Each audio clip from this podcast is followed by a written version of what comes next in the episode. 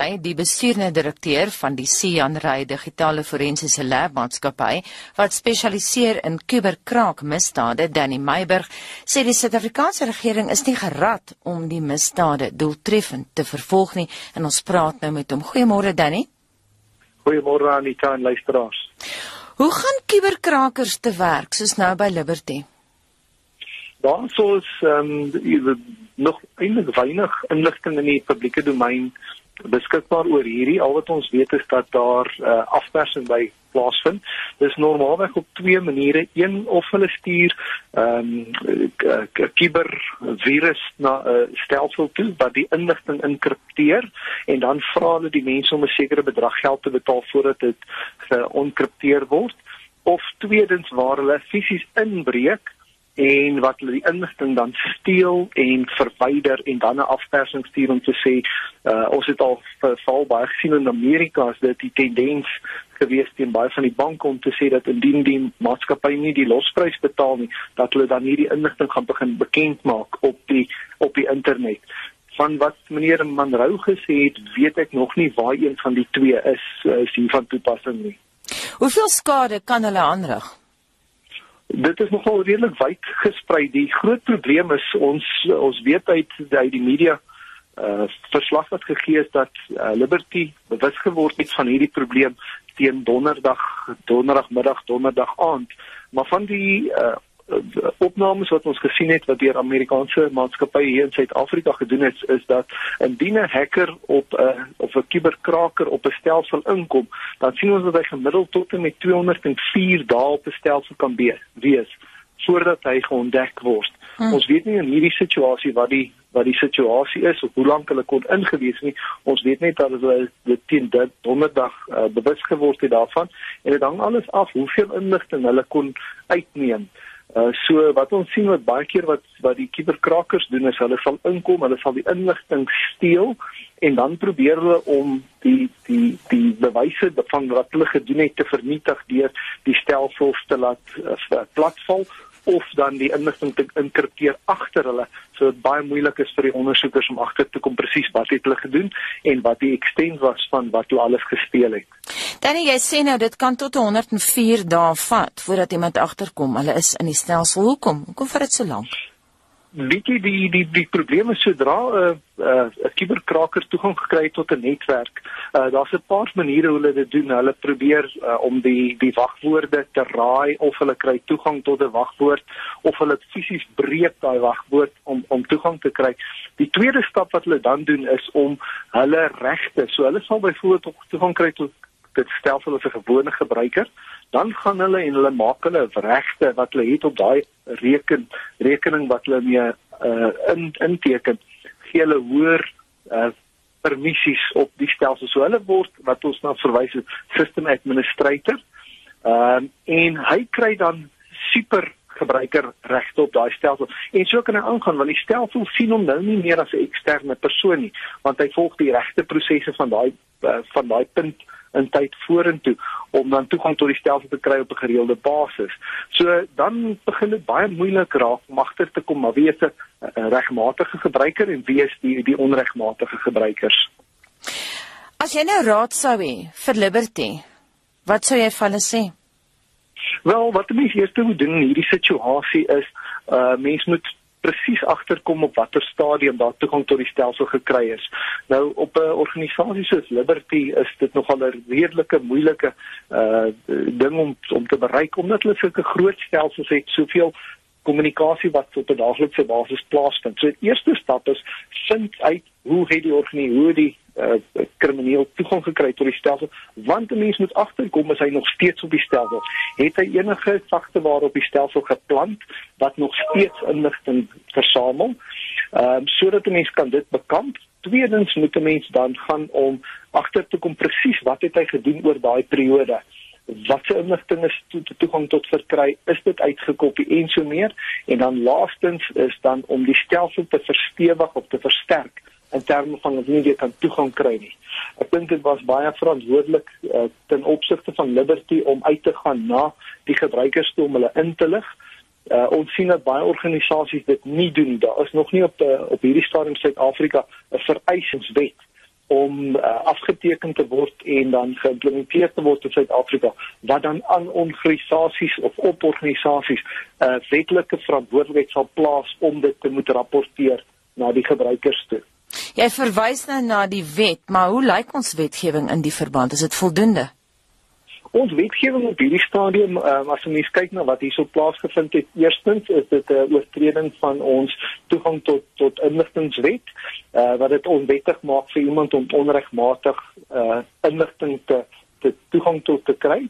So daai wet het ons al reeds van 2002 af. Ons is nou in die uh, baie ver gevorderd om uh, die wet te herskryf op 'n baie groter en meer omvattende wet wat op hierdie stadium bekend staan as die kuberkraak uh, en kubersekuriteits uh um bil nog op hierdie stadium. Hy's nog nie afgeteken nie. Daar's baie uh, insette op hom gegee. uh dan het ons ook die onregmatige onderskepping van kommunikasiewet wat hier van toepassing is en dan natuurlik die kommersiële wetgewing wat gaan oor die die die straf van 'n losprys of die afpersing van hierdie situasie so ons wetgewing op hierdie stadium dink ek is, is voldoende om hierdie tipe van van goederes aan te spreek.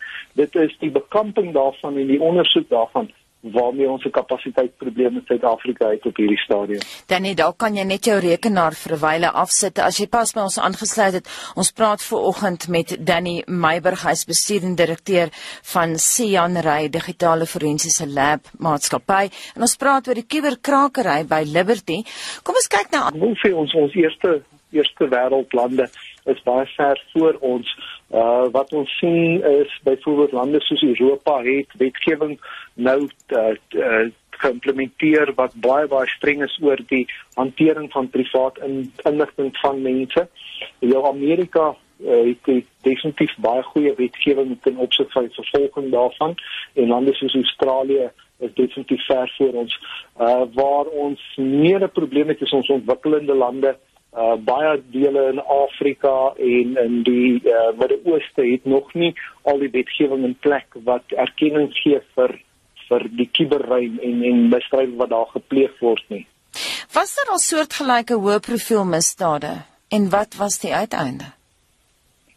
Ons sien dat hierdie tipe van grootte van van sekuriteitsbreuke uh, wat plaasvind is baie meer of baie meer gereeld nou so daar in die nuus. As ek nou maar net terugdink aan dan verlede jaar het ons gehad ehm um, 60 miljoen mense se inligting wat wat gekraak is op die ehm um, op die Beach Office seker sekuriteitsbreuk wat plaasvind hier in Suid-Afrika. En ek dink met die die aanvang van die sosiale media is daar baie meer uh, blootstelling aan hierdie tipe van goed. Ons gaan al hoe meer en meer sien dat dit wel gerapporteer word.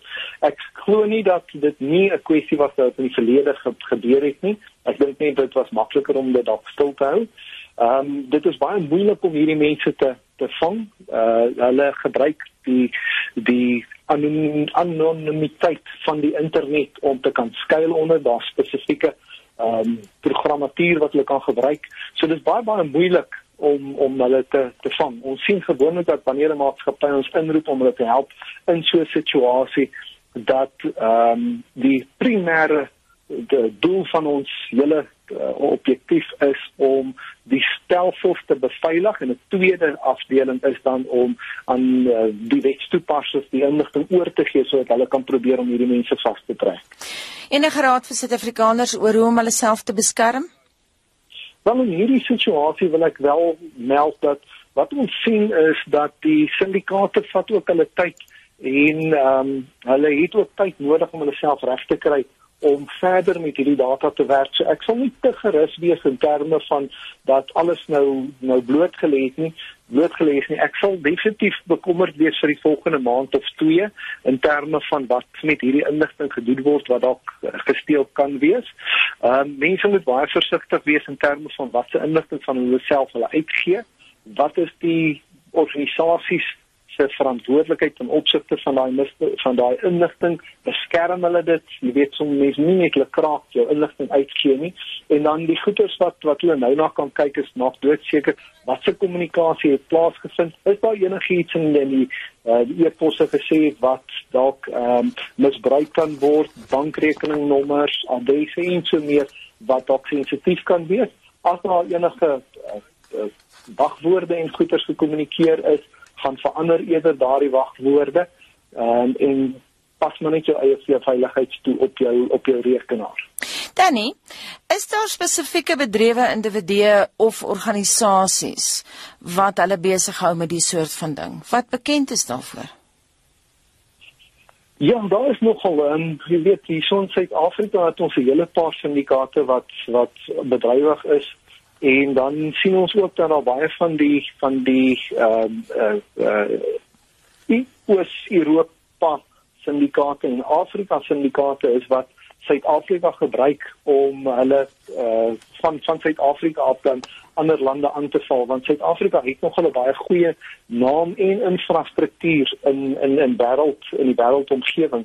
Daar is baie sterk uh, kuberkrakers in die in die Oos-Europa omgewing as gevolg van ehm uh, uh, historiese gebeure daar. Byvoorbeeld uh, in die Koue Oorlog het Amerika en Rusland redelike sterk kapasiteit in hierdie omgewing ontwikkel. Na die val van van van die ehm uh, uh, kommuniste in Rusland het daardie hackers of daai kuberkrakers van die KGB byvoorbeeld is hulle opgeraap deur die syndikaate en deur die die kriminele omgewing. So in daai lande is daar nogal baie baie sterk kuberkrakers uh, en dit is hulle 24 uur dag per dag is dit waarmee hulle self besig hou. So jy weet 'n rekenaar gaan slaap om